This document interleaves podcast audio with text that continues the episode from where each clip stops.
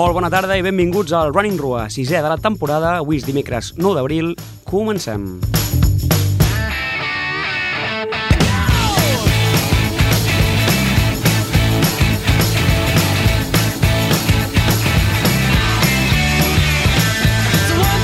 8 i 10 del vespre, com sempre, farem un repàs a les competicions dels atletes del Ripollet Unió Atlètica i després tindrem com a convidat el Marc Sanz, que és llicenciat en Educació Física per l'INEF de Catalunya i parlarem en profunditat amb ell sobre prevenció de lesions, consells i aprendrem coses molt interessants sobre el funcionament del nostre cos, sobre bons hàbits i, en definitiva, sobre la nostra salut física i mental.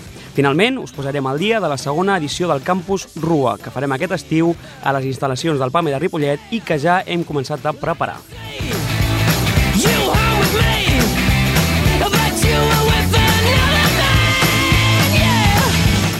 Comencem amb els resultats que, déu nhi s'hi han hagut i, a més, ben bons.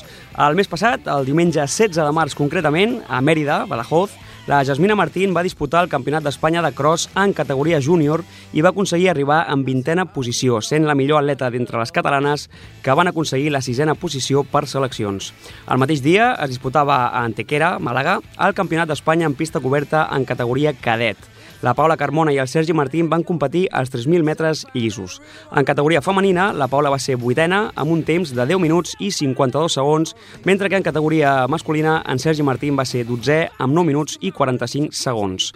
I el mateix cap de setmana, però un dia abans, al Campionat de Catalunya Infantil en pista coberta, disputat a Sabadell, la Clàudia Alcolea va aconseguir la medalla de bronze en un ajustadíssim sprint eh, per la plata amb un temps de 6 minuts i 59 segons, mentre que la Mireia Valdívia va ser sisena en la mateixa prova amb 7 minuts i 18 segons.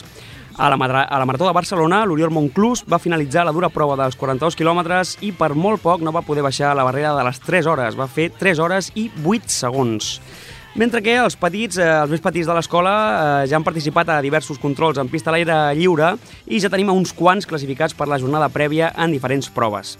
Finalment, el passat dissabte 5 d'abril es disputava a Castellà del Vallès la jornada prèvia de relleus 4 per 60 en categoria Benjamí. Van participar 56, 56 equips de tota Catalunya i el RUA va presentar a dos equips. Un equip era el format pel Teo Rodríguez, l'Andreu González, el David Castro i l'Antoni González, i un altre format pel Llunes de Hack, el Pol Peñarando, el Dida Carqueros i el Pablo Rodríguez. Els dos equips ho van fer molt bé, però per normativa, encara que els dos es classifiquessin, només un equip podia un equip per club, perdó, podia passar l'eliminatòria. L'equip del Teo, l'Andreu, el David i l'Antoni es va classificar en sisena posició, empatat amb dos equips més, amb un temps de 40 segons.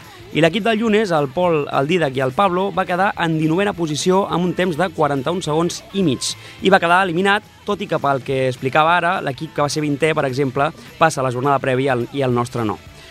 Bé, doncs, com sempre, gràcies i enhorabona a tots pel vostre esforç, tant als entrenaments com a les competicions. Felicitats a tothom. Passem ara amb l'entrevista, que no està gravada a l'estudi i el so és una mica diferent, però bueno, eh, se sent bé. Disculpeu les molèsties, endavant.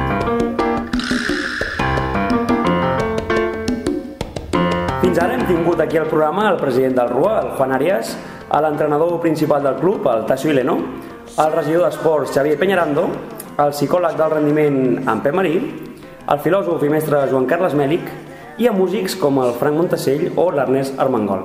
Doncs avui un que és 100% d'esports. El nostre convidat es diu Marc Sanz, és llicenciat en Educació Física per l'INEF, que són les sigles de l'Institut Nacional d'Educació Física de Catalunya, i actualment és, entre les moltes coses que fa, professor a l'INEF del monogràfic d'entrenament a la sala de fitness, és professor del cicle de grau superior de tècnics esportius i animació a l'Escola Túrbola de Sant Adrià del Besòs, i és entrenador personal a l'Arimon Centre Wellness de Sabadell i també treballa a la Federació Catalana d'Handbol situada a Alguera de Cerdanyola. Finalment, i això ja ho dic per fardar totalment, és amic meu des de P4 i és un plaer enorme estar aquí conversant amb ell. Marc Sant, molt bona tarda. Hola, bona tarda. El plaer és meu, eh? El plaer és meu.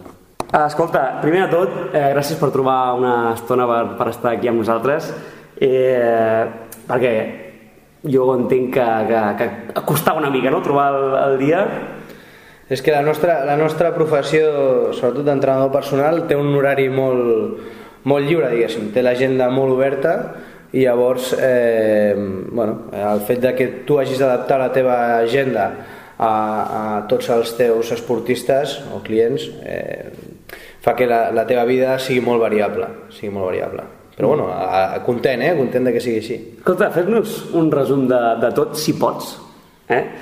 I que els oients coneguin una mica més la teva vida professional. Tranquil, eh? Aviam, doncs... Eh, bé, la meva vida professional va començar aquí al Parc Esportiu Municipal Guiera, a Cerdanyola, i, i la meva, eh, sobtadament, eh, va ser, la, la, meva, la meva professió va començar a la piscina, quan jo pràcticament em tirava a l'aigua i començava a anar d'enrere, no? I, I no, molt bé, molt bé. Realment vaig començar amb el tema de la piscina i a poc a poc mmm, vaig tenint grups, vaig, vaig haver de tenir grups de, de nens que feien eh, cursos de natació infantil, després eh, vaig tenir matronatació, després vaig començar amb el socorrisme aquàtic, després eh, bueno, vaig, vaig tocar tot una mica els pals que hi havia d'activitats dirigides, inclús eh, Aigua Gym aquí a, al Parc Esportiu Municipal Guiera i de seguida vaig passar a activitats dirigides eh, a, a fora l'aigua i vam començar amb el treball del ciclo indoor, que encara estic eh, fent-lo, eh, ciclo indoor alias spinning, eh, i bé, de seguida, de seguida vam començar amb el fitness, que de seguida vaig començar també a fer fitness a Sabadell, a, al punt centre fitness, i bé, a partir d'aquí, arrel d'això, ja vaig veure de seguida que el que volia fer era entrenament personal i, i treball amb rendiment esportiu.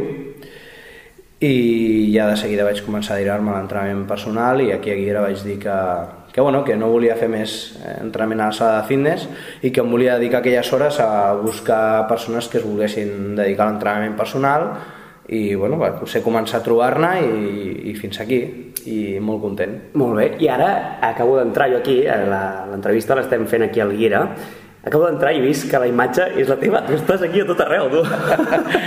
bueno, M'ha agradat molt això. No, més que res perquè el, el que primer hi havia una, una, una coordinadora, que és la Natàlia Marín, que, que em va donar doncs, vols dir, més responsabilitats en el sentit que jo vaig deixar de fer la sala de fitness, ja no feia aquelles hores, em quedaven lliures per començar a promocionar-me i vaig començar a fer hores eh, diguéssim, inclús gratuïtes d'anar a la sala i, i anar a preocupar-me amb la gent. L'entrenament personal no deixa de ser eh, veure persones que estan pel carrer, inclús jo veig a les persones al carrer, soc un, jo sóc un malalt, soc malalt, llavors eh, vaig pel carrer i començo a veure la gent caminant i, i, i detecto necessitats. Doncs veig persones que a lo millor eh, el peu el si tomba cap a supinació i dic, ostres, aquest tio li supina, haurien de treballar la, la, la pronació del peu i a més els dits sembla que li treballen massa i haurien d'estar eh, movent-se i no estan... O sigui, sóc un malalt mental realment. Vull dir, hauria... Hòstia, a veure... Però tu, tu vas allà i els dius, eh, no? A on, a Sant Boi? No. no, ah, no, no, no, no, no, no, no, no, no els hi dic perquè semblaria semblaria que no estigués bé del cap, no? I, i tinc, tinc certa educació i no els hi dic, però, però sí que inclús a la sala de fitness, és el que feia jo abans, eh, mm, em passejava per la sala i quan veia algú que podia necessitar la meva ajuda, jo oferia la meva ajuda i aquesta és la meva manera d'actuar. Intento no, no vendre'm, sinó eh, buscar necessitats de, de en què puc ajudar la gent mitjançant l'activitat física, que és una eina poderosíssima, i intento aplicar tot el que jo sé per intentar millorar la, o la salut o, o, o fer complir a la gent els objectius que pugui tenir. Bàsicament aquesta és la meva feina i aquesta és la raó del per què em dedico a això. De fet, eh, no sé si eh, hauràs sentit i, o, o els teus oients han sentit eh, el famós eh, el famós eh, discurs que va fer el Guardiola quan va rebre la medalla aquella de, del, del, del Parlament eh, i va dir que per ell la, la seva ella es tancava en un, en un despatx, despatx allà tancat al Camp Nou tal, analitzava el tema i el seu moment eh, o, o, o el moment en què justificava que per ell sigui, el seu millor moment de la seva eh, de la seva eh, de la que es dedicava a ell com a entrenador era el moment en què trobava el per què guanyaria aquell partit la clau, no? la clau, la clau sí, sí. aquell és el moment que justificava que ell es dediqués a això doncs per mi el, el, el moment que justifica o que, que em fa sentir ple com a entrenador personal i com a professional és quan els meus clients em diuen, per exemple, l'altre dia em va passar, no? Hosti, Marc, fa temps que no em sentia tan bé i no, no sentia dolor a l'esquena. Hosti, aquest dient això és, Tomble, és, no? és el per què de per què em dedico jo a això, no? Sàpigues que m'acabes de, de, de trencar una pregunta, que esto estava previst, eh? Vaja. No, però... Escolta, anem a parlar del, del running, ja que estem al running rua. Anem a parlar d'això perquè, per exemple, aquest diumenge passat va ser la famosa cursa del Corte Inglés, uh mhm. -huh. fa unes setmanes la Marató de Barcelona, uh. -huh. i jo crec que a la gent li interessarà eh, saber l'opinió d'un expert en matèria. Si et sembla, anem a començar pels que s'inicien en, el, en el món del running i a poc a poc anirem superant nivells, d'acord? Mm -hmm. Llavors, eh, què fer per començar, per evitar lesions, per córrer bé, per no deixar-ho a les dues setmanes, que això jo crec que és sí. important. Eh, tu mateix. Mira, això això és com... Clar, ara els oients m'escoltaran i diran, clar, és, és entrenador, què ha de dir, no? Bé, jo crec que mm, com a qualsevol cosa a la vida quan nosaltres volem començar qualsevol activitat o volem fer qualsevol cosa hem de demanar ajuda a una persona professional. És veritat que podem caminar, nosaltres sabem caminar des de petits, complim un any i alguna i comencem a caminar, comencem a tenir les estructures consolidades per anar caminant i per això ens aixequem i no anem gatejant, però eh, el córrer és diferent. El córrer és totalment diferent, anem assolint cadascú una tècnica diferent per córrer, però resulta que eh, el córrer i en llargues distàncies, com pot ser una marató o una mitja marató, és una distància que no és menys preable. Si comencem a comptar quantes passes fem eh, durant una marató, ens sortiran diversos milers de, parts, de passes. I mm, moltes vegades quan nosaltres, ara canvio de tema, eh, però quan nosaltres volem anar, per exemple, amb el cotxe, eh, anem de vacances i diem, mira, vull anar a Sevilla o vull anar a Lugo. A Lugo ho sé perquè jo tinc família, són 1.100 quilòmetres de Barcelona a Lugo. 1.100 quilòmetres i normalment el que fa la gent és dir, bueno, doncs va, aprofito i passo la revisió del cotxe i que no em falli el cotxe. Vale.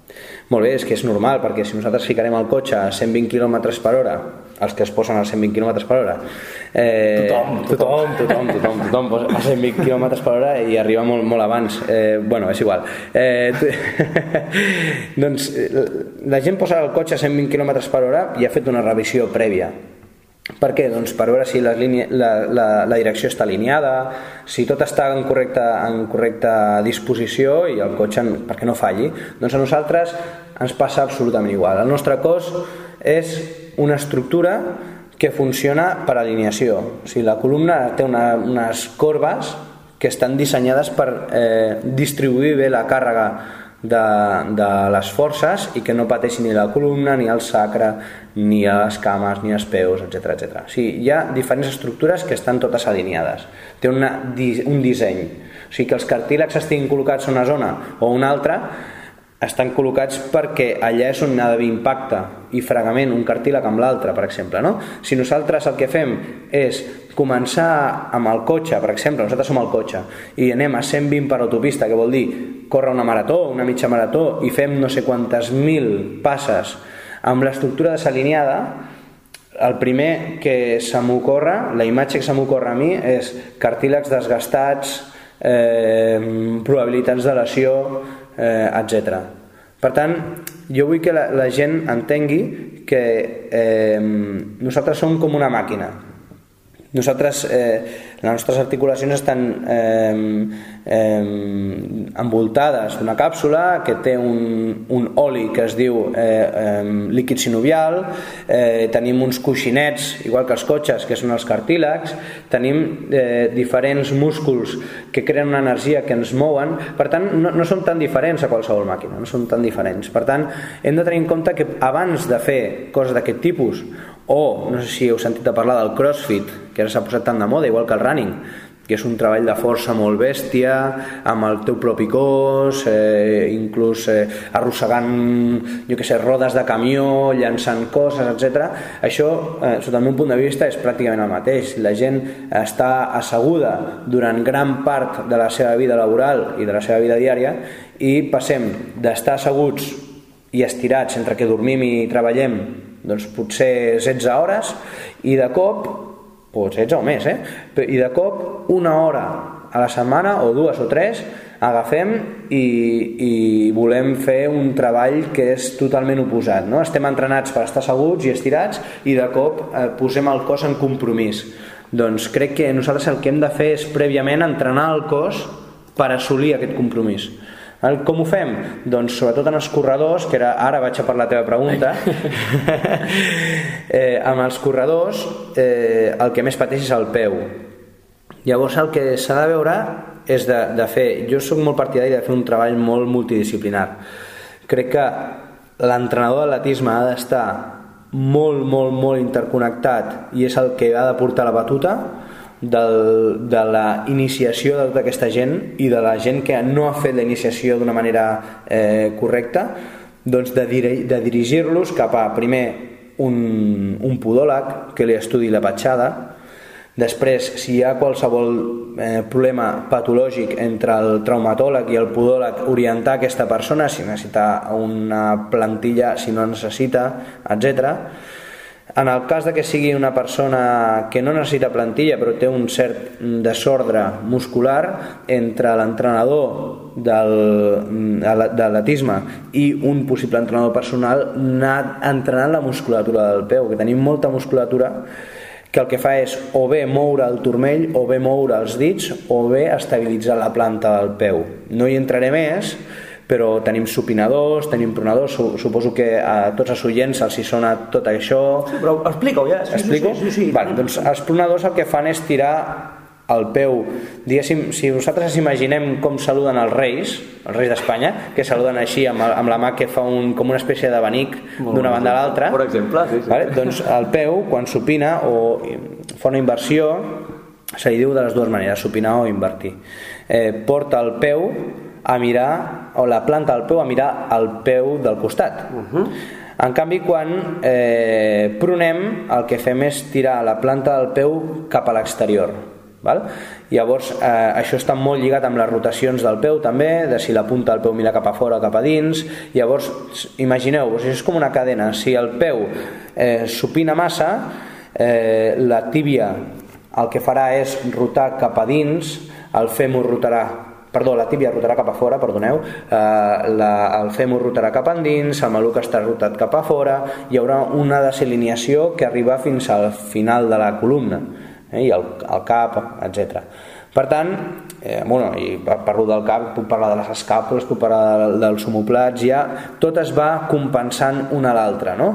Llavors, és el que parlàvem de la desalineació. Primer hem de veure quina articulació és la clau, estabilitzar-la, veure quines funcions hi ha, de cada articulació perquè no totes les articulacions funcionen igual.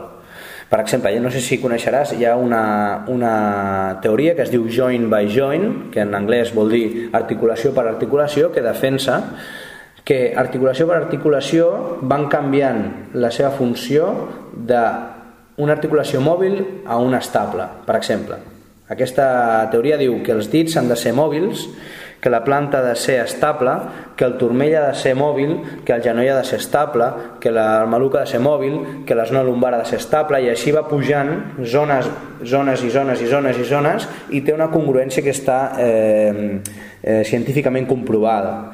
Llavors, clar, si nosaltres veiem una persona que té els dits dels peus engarrotats en forma de garra d'àguila, probablement el que fan aquests dits en comptes de moure's estan estabilitzant i el que és probable és que la planta del peu estigui bastant xafada en el terra perquè en comptes de ser estable s'ha mogut vale? per tant aquí el desordre comença aquí jo no puc dir-li a aquesta persona sí, sí, tranquil, corre una marató i no passa res bueno, si és una el cos serà capaç d'absorbir aquest impacte.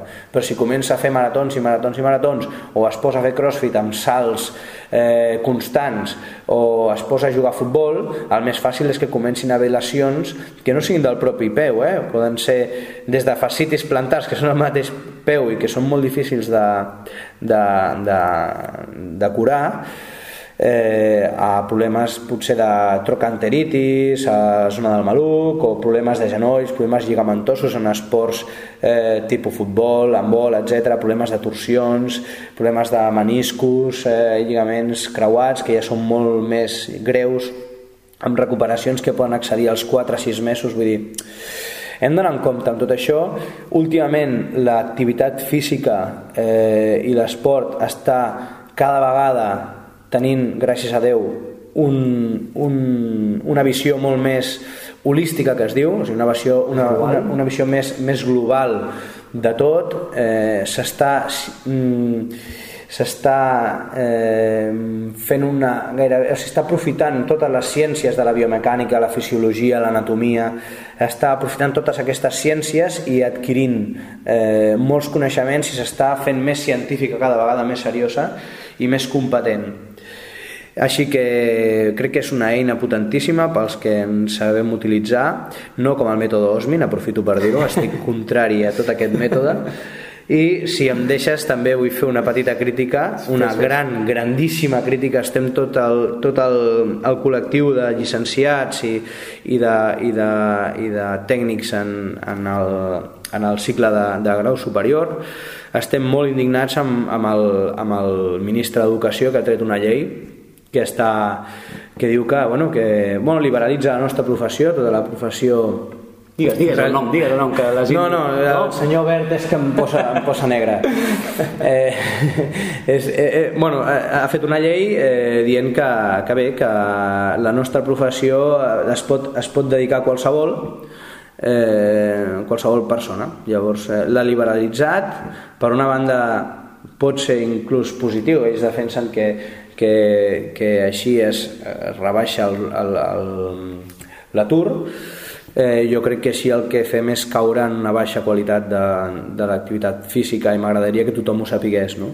que tots aquests coneixements que estan sorgint estan sorgint des d'un àmplia, un, un ampli eh, eh, treball cognitiu de molta gent que està estudiant moltíssim inclús fora de les nostres fronteres i encara aquí dins molta gent estudiant eh, sense parar. Jo per exemple eh, porto des de per això hem tingut a part tants problemes per quedar perquè eh, porto des de, des de després de Reis gairebé amb dos, tres caps de setmana lliures. Tots els altres caps de setmana hem estat formant.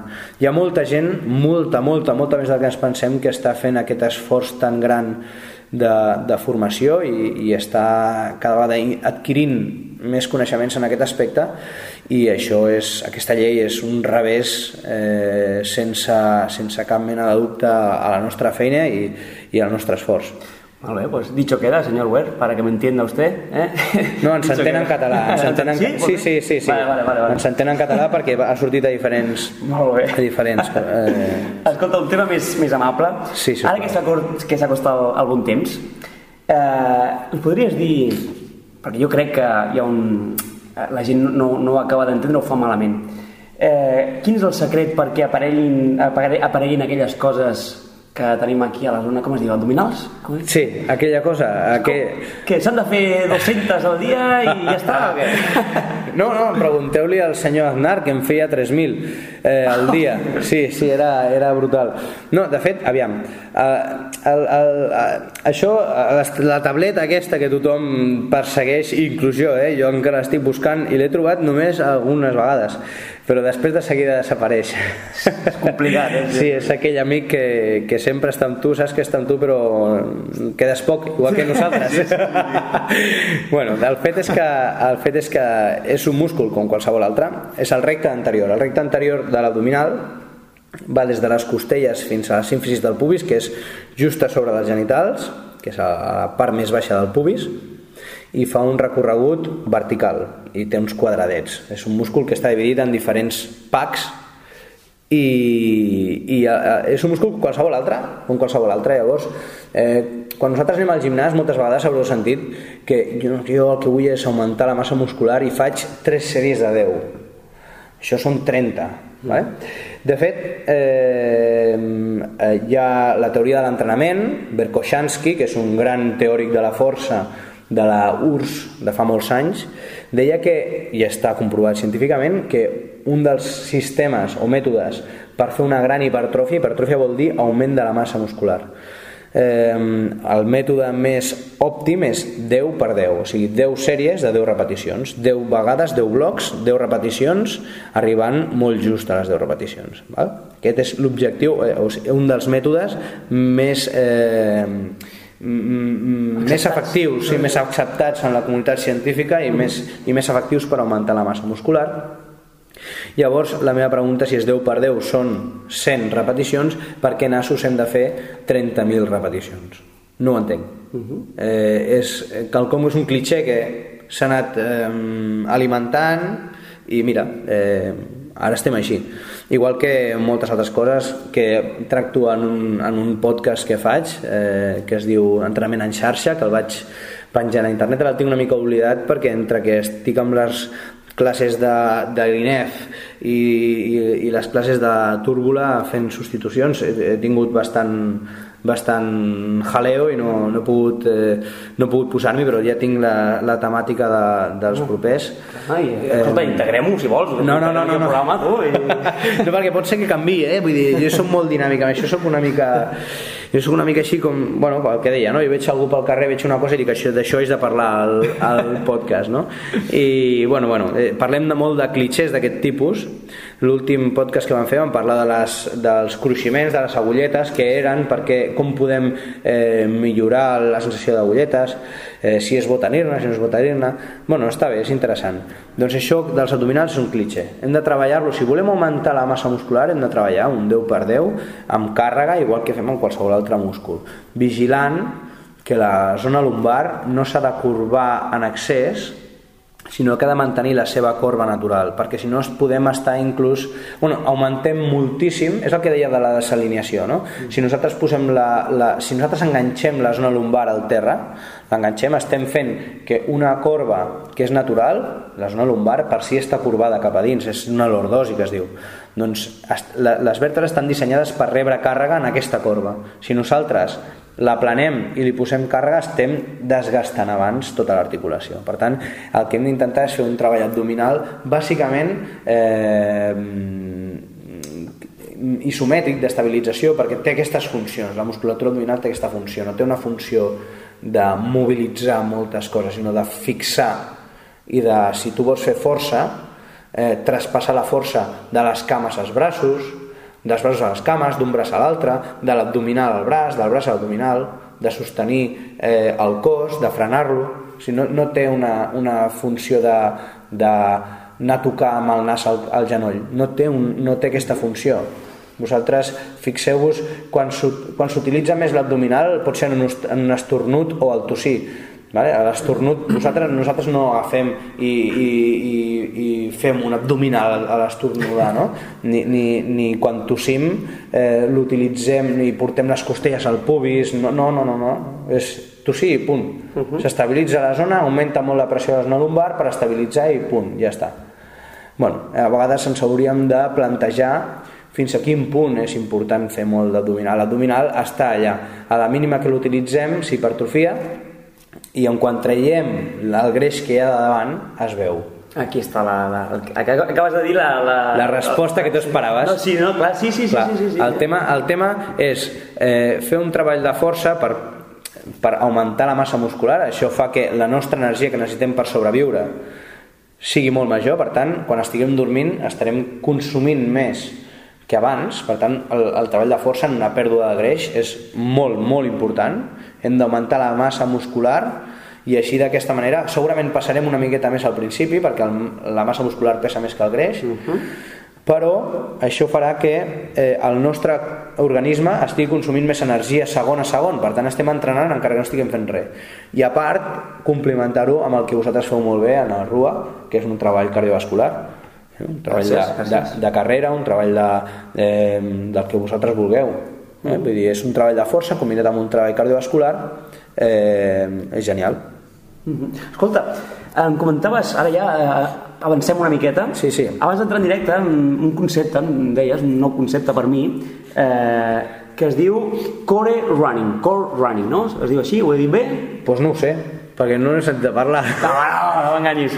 Core running, no, no, t'ho dic no he sentit parlar del core running. Core running. Core, core running. Sí, no, en anglès, eh, jo faig classes de core training, que és mm. el core simplement, en anglès vol dir pilar és un pilar. És un pilar on se sustenta l'equilibri eh, del cos o l'estabilitat del cos. Mm. Això que, que la gent diu core, el core, vull enfortir el core, i la gent ho, ho, ho confon amb, amb els abdominals, mm. eh, no deixa de ser el pilar de, de, sobre el que sustenta. Per tant, en qualsevol acció, els americans et dirien que en qualsevol posició el core canvia, perquè és la musculatura que et dona estabilitat per generar eh, força en qualsevol postura. Això és, això és la, la visió més americana i europea, diguéssim. La gent ara últimament està, està confonent abdominals amb core training. A vegades també impulsats per activitats com, com el core training o activitats dirigides com per exemple la de les Mills que és eh, Seix Work o alguna així que són classes dirigides més abdominals i paravertebrals que són músculs claus en el cor general, però el cor va canviant depenent de quina posició tu utilitzes uns músculs o uns altres per estabilitzar tot el cos, no només el tronc, tot el cos, i després generar la força que necessitis. Per això ara, això deia, era core training, no? Ah, core training, ah, vale, vale, vale, sí, sí, sí. Jo m'he confós, sí, vale, vale, llavors t'he dit running i no era running, era training. Sí, el core training és això, és, és intentar eh, entrenar tots aquells músculs que després en, eh, diguéssim, en una, en una acció determinada et poden ajudar a estabilitzar. -huh. Això és molt fàcil, mira, per entendre-ho és molt fàcil. Imaginem que tenim un tros de fusta, una pica de fusta llarga, i agafo un extrem. Si jo faig força a l'extrem i vull aixecar l'altra pica, l'altre punt de la pica que està al terra, faré força i la meva força arriba a l'altre extrem de la pica. Per què? Perquè la pica està dura, Llavors es traspassa, la força que estic jo fent en una punta de la pica es traspassa a l'altra i la puc aixecar amb relativa facilitat. En canvi, si jo poso una goma, un tub de goma al mig de la pica i divideixo la pica en dos i poso al mig un tros de, de goma i jo faig força per aixecar la, la pica de darrere, la l'altra punta de la pica, hauré de fer molta més força per traspassar la, la, la força a la pica i que s'aixequi. Per què? Perquè al mig hi ha un agent que no està estable hi ha un, un tros, que és el de la goma, que no està estable, no està fort, per tant no es pot transmetre la força. És superimportant que sapiguem en moviments de força o, per exemple, corrent, una persona, si no sap estabilitzar el tronc, que és la zona mitja del cos, que és normalment on surten tots els problemes, però poden sorgir en altres llocs, com per exemple el gluti, el gluti és importantíssim per tenir una bona postura i transmetre la força de les cames al cos és super important, super important. Per tant, eh, si nosaltres no sabem contraure l'hora abdominal, paravertebrals, treball del braç que s'avança, treball de la cama contrària que, que s'està retrocedint i per tant el gluti ha d'activar per activar una extensió de la columna i aprofitar tota la força d'extensió del, del peu i de la cama cap a l'extensió de la columna, que és la que dirigeix la força i és la que desplaça el cos, això és molt complicat, eh? Però si, si nosaltres no sabem coordinar tot això, es dissipa molta força. Hi ha molta força que estem aplicant amb els peus que no es transmet al cos, per tant no t'estàs desplaçant, sinó que es dissipa pel mig. O sigui, fixeu-vos l'entramat com és de complicat no, no, sí, sí, i això, és, això només en, aquesta, en, aquesta, en aquest eh, gest tècnic de la marxa però imaginem un jugador o un, bueno, sí, un jugador de futbol té moltes accions diferents en el partit tant pot ser un canvi de ritme com pot ser un treball d'un xut, pot ser eh, una càrrega legal que li fa a un adversari, pot ser 10.000 coses. I cada acció té el seu core té la seva, el seu pilar de sustenció i tu, tu l'has de, de treballar. Molt interessant, a mi això no, no ho desconeixia i em sembla... Bueno, per això dic que és, és molt important el treball eh, que sigui multidisciplinar, que sigui multidisciplinar, perquè eh, estar, establi... eh, o sigui, estar especialitzat en aquestes coses requereix molt de temps, llavors has d'estar estudiant en això molt de temps. Igual que jo, jo no podria ser metge, el metge tampoc puc, podria eh, estar tan especialitzat en aquest tipus de treball. De fet, hi ha un altre... Aprofito per fer una altra queixa. som perquè els metges, hi ha una, està a punt d'aprovar-se una llei que els metges, eh, bueno, una llei que permet als, als metges eh, prescriure exercici. Prescriure exercici vol dir, tu fas tants abdominals al dia, treball, treball lumbar, o, o eh, una persona amb mal d'esquena vés a la piscina que és el típic, vés a fer natació. Home, doncs potser hi ha moltes coses que són molt més interessants que, i molt més directes per al treball. Quan els metges diuen això vol dir fes un treball de força, però no, no, no, no ho saben expressar perquè no tenen els coneixements en aquest aspecte. Normal. Però clar, és normal. Sí, és sí. que si fossin així i tinguessin això, aquests, aquests eh, coneixements serien semideus, jo crec, no? Clar. És molt difícil ser un bon metge i a part ser, saber prescriure exercici físic. Doncs eh, aquesta llei els hi permetrà dintre de poc. Llavors aquí tindrem un problema, que també ho sàpiga la gent, que quan el metge prescriu, l'altre dia va sortir un, un, un article que deia que eh, d'uns metges dient que no tenien suficients eh, coneixements per prescriure. El loro també perquè hi ha molts... Eh, aquesta llei també deixa els... els eh, jo diria, home, a les... em surt en anglès, no sé, eh, les... les eh, com és, com és, com has dit? Eh, news les, les, les, les enfermeres. els enfermers i les enfermeres. Ui, ui, ui, que malament. Les enfermeres i els enfermers eh, podran eh, prescriure exercici físic. Llavors eh, ells ja s'estan formant. Ja estan agafant entrenadors que dintre de la carrera els hi donen terminologia.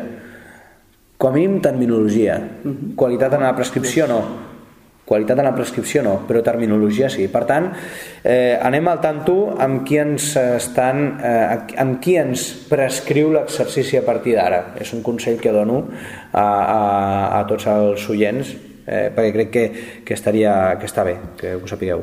Escolta, ara que introduïes el, el tema aquest de metges, sí. i, i ja per anar acabant, perquè increïble, però ja portem més de mitja hora, Marc, eh, anem a parlar d'un tema que a mi, ja els que em coneixen ja saben que, que m'agrada bastant eh, tractar-lo.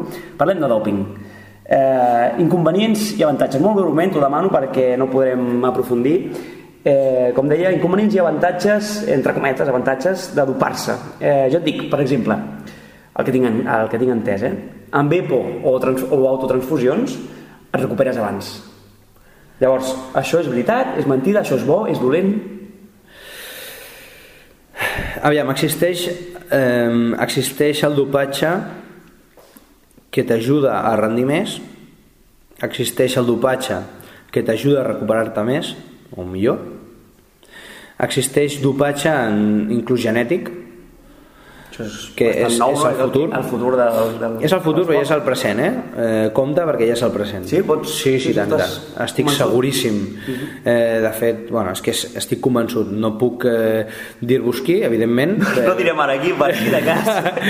eh, no, més que no ho sé, no? Però, però el, el, quan jo estudiava a l'INEF, que és, eh, vaig sortir el 2007 de la carrera i el 2009 del màster, uh -huh. eh, ja se'n parlava del dopatge genètic, estic convençut que ha Mm, jo també, hi, jo també. hi ha molts eh, esportistes d'elit que ja estan aquí i estan ficats amb el tema i com que l'antidoping mm, no controla res d'això, no està sortint res d'això. Eh, jo, jo no em ficaria tant en, en, en, en especificitat de, de cada un dels dopings, de, de les substàncies, etc. Jo em ficaria més en, el, en els beneficis que et poden donar el doping. El doping eh, pot ajudar a recuperar una, una prova molt, molt, molt dura, però bàsicament per què el fan?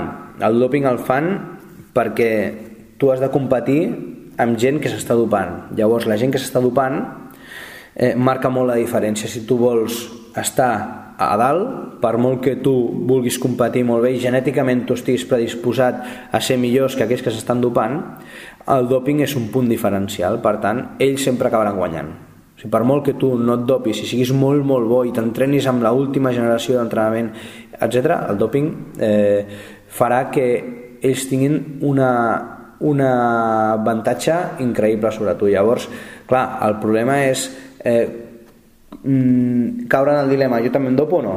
Jugo o no hi jugo? Entro, entro o no? Entro o no hi entro? Llavors, eh, això és un dilema molt bèstia, molta gent parla de dir bueno, doncs afavorim que tothom es dopi i que guanyi el que millor es dopi Clar, Tam això. clar, eh, això té uns riscos molt grans, Mm-hmm. perquè eh, el que pitjor es dopi és mort. És així. exemple, no? O el que pitjor es dopi, quan sigui més gran, eh, tindrà molts problemes inclús de coagulació de sang, depèn del doping que es prengui, o de problemes a l'hora de segregar testosterona, de crear algunes hormones, i això és un desordre important a nivell fisiològic. Eh, complicat. Això ha de ser les, les, la, les grans eh, federacions i, i, jo crec que eh, els estaments que controlen el doping a l'esport el que s'ha de moure d'una manera, d'una manera eh, clara, rotunda i dura. Jo, bueno, sí, no, no, perdona. Sí, no, endavant, endavant. Perdó, no, no, perquè això que acabes de dir ara de les federacions tal, jo crec que aquí a, a, a l'estat espanyol, en tot cas, eh, s'està fent molt malament. No vull ara ficar-me més, però l'operació en Puerto no està tancada i això és, em sembla molt greu Coincideixo amb tu. perquè, bueno, en fi, hi ha moltes coses que no, sab que no sabrem i bé, Bueno, bueno, de- de- fins de- aquí parlem, no? De, de, bueno, de fet, el, el, el, el tio que està imputat, vull dir, Eufemiano Fuentes. Fuentes, eh, el coneixien com el dopador del reino, vull dir, eh, poca broma, vull dir, aviam, eh, no, no, això és molt complex i cada, cada segon que passa és més difícil d'aturar perquè el dopatge, el, el dopatge genètic no hi ha cap mena de prova que tu puguis veure que aquesta persona s'ha dopat. De fet, inclús en el fisioculturisme hi ha dopatge inclús de pròtesis. O sigui, eh, superen i es posen pròtesis per semblar que... O sigui, això és... Hi ha un dopatge ja... Eh, o sigui, la bola es va fent més gran segon a segon Imparable, més gran, és imparable i les, les, les mesures que s'han de prendre són molt complicades. Jo no et sabria dir. Ara mateix no sabria dir. Bueno, també t'haig de dir una altra cosa. Cas del ciclisme, cas de eh, grans proves eh, um, i grans esports que eh, posen al límit el cos. Atletisme mateix. l'atletisme mateix. Eh, potser, no sé eh? Jo no estic ficat ni en l'atletisme ni en, el, ni, en el, ni en el ciclisme sí que he estat indirectament vinculat perquè sempre m'ha agradat molt i a més tenint a tu que tu vens del ciclisme Ah, no? Sí. eh, com a amic doncs vulguis o no indirectament sempre he estat implicat però eh, la meva pregunta és cal fer un tour de no sé quants dies que cada etapa sigui al màxim i amb unes exigències de tants quilòmetres que aquí ja entrem en un altre debat. Clar, és Ah, és que potser no és només la gent eh, que es dedica a l'antidòping la que ha de reflexionar, potser han de ser les mateixes federacions, la mateixa gent que eh, eh, els, el, la gent que el veu i que el disfruta, mm. potser s'ha de fer aquesta, aquesta, aquesta reflexió. Abans fa uns anys, fa molts anys, quan gairebé ja la gent ni es dopava, no era interessant el ciclisme i potser no hi havia aquestes exigències?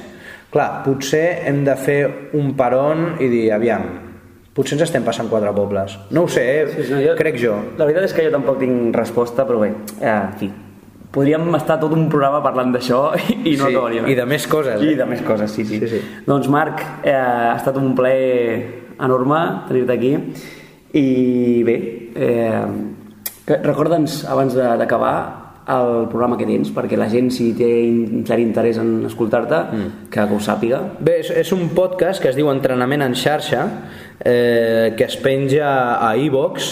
A iVox és una plataforma d'internet, eh, si busqueu és i b baixa o o x eh, eh, i una x, perdó, iVox.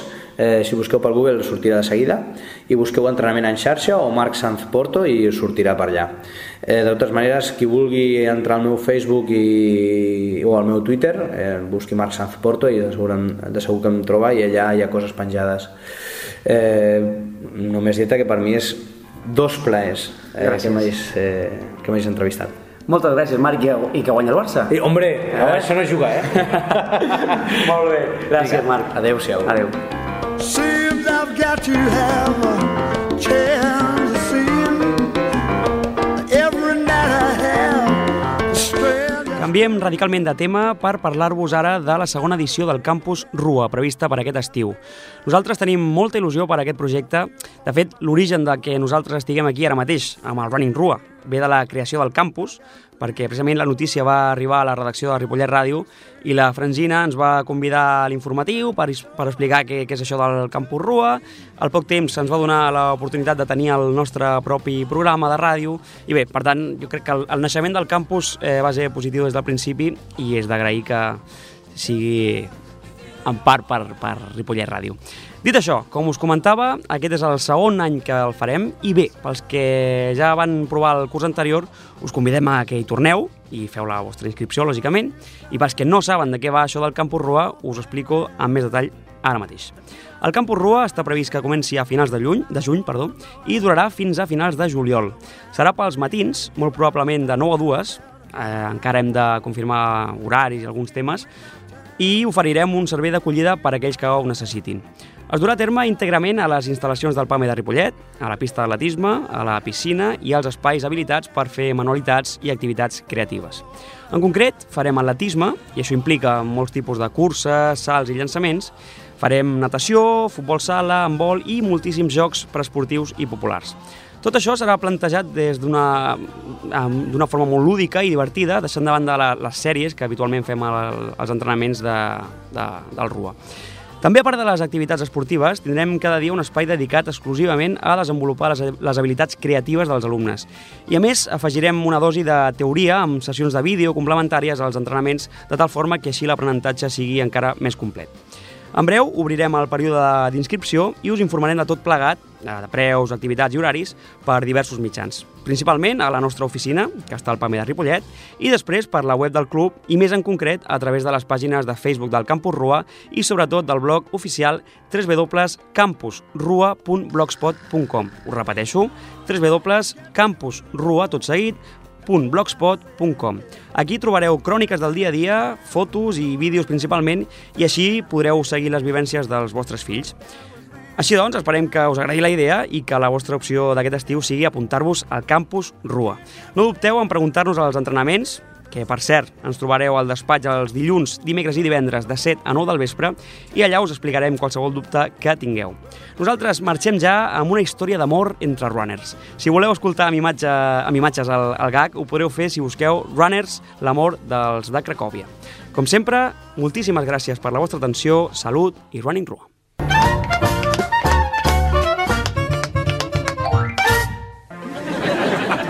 Hola, molt bona nit. Centenars d'homes corren quilòmetres per demostrar-se a ells mateixos que no són tan vells ni estan tan grassos. Són el que actualment es coneix com runners, o com se'ls ha dit tota la vida, el tonto el xandall. Avui coneixerem el cas d'un d'aquests atletes moderns.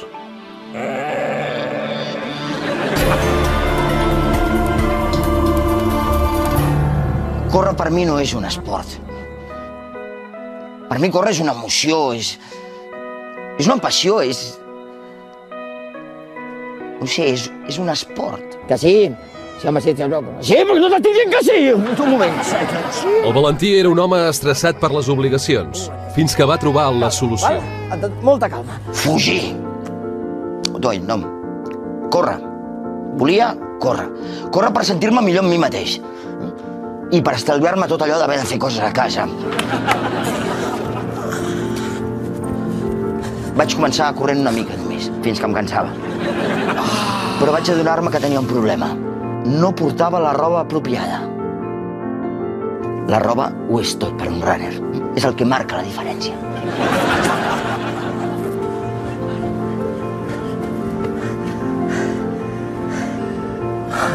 Bueno, tenia dos problemes. Així que em vaig posar en mans d'un expert. La gent es pensa que ser runner és pan comido, però el pan comido is in your mind. I saps què més està in your mind? Your mind, tonto. però què fas, parat? Ets la vergonya dels Ironmans. Valentine, comencem pel principi. Acomiadar-se de la dona. Vaig a córrer, xata. Malament, molt malament. Tu no vas a córrer. És mentira. Tu vas a gaudir d'un moment místic. Altre cop. Vaig a conèixer-me a mi mateix i a gaudir d'una experiència de progrés personal. Bravo. Ara estic divorciat, clar, no la veia mai. Però estic bé. Eh? Anar a córrer compensa tots els sacrificis. Cada matí, eh? quan sona el despertador a les 6, ja em llevo per anar a córrer abans d'anar a la feina i deixo el llit allà, sol, sabent que quan torni a casa, doncs, no m'espera ningú, però compensa. Eh? Joder, i tant si compensa, clar que... Go! Go, runner, go, go, go! Saps què dic sempre, jo? Perquè no ho recordo. Ja estic! No? Ja saps quina és la meva màxima. Fins que no has vomitat, no has acabat. Què? Trying is the limit. Per mi ser un runner s'ha convertit en una droga. La roba, eh? les bambes, la meva musiqueta, l'aire fresc... El tema de córrer ja... Córrer el que és córrer, a mi em sembla una mica tonto. Però tampoc és vital en la filosofia dels runners.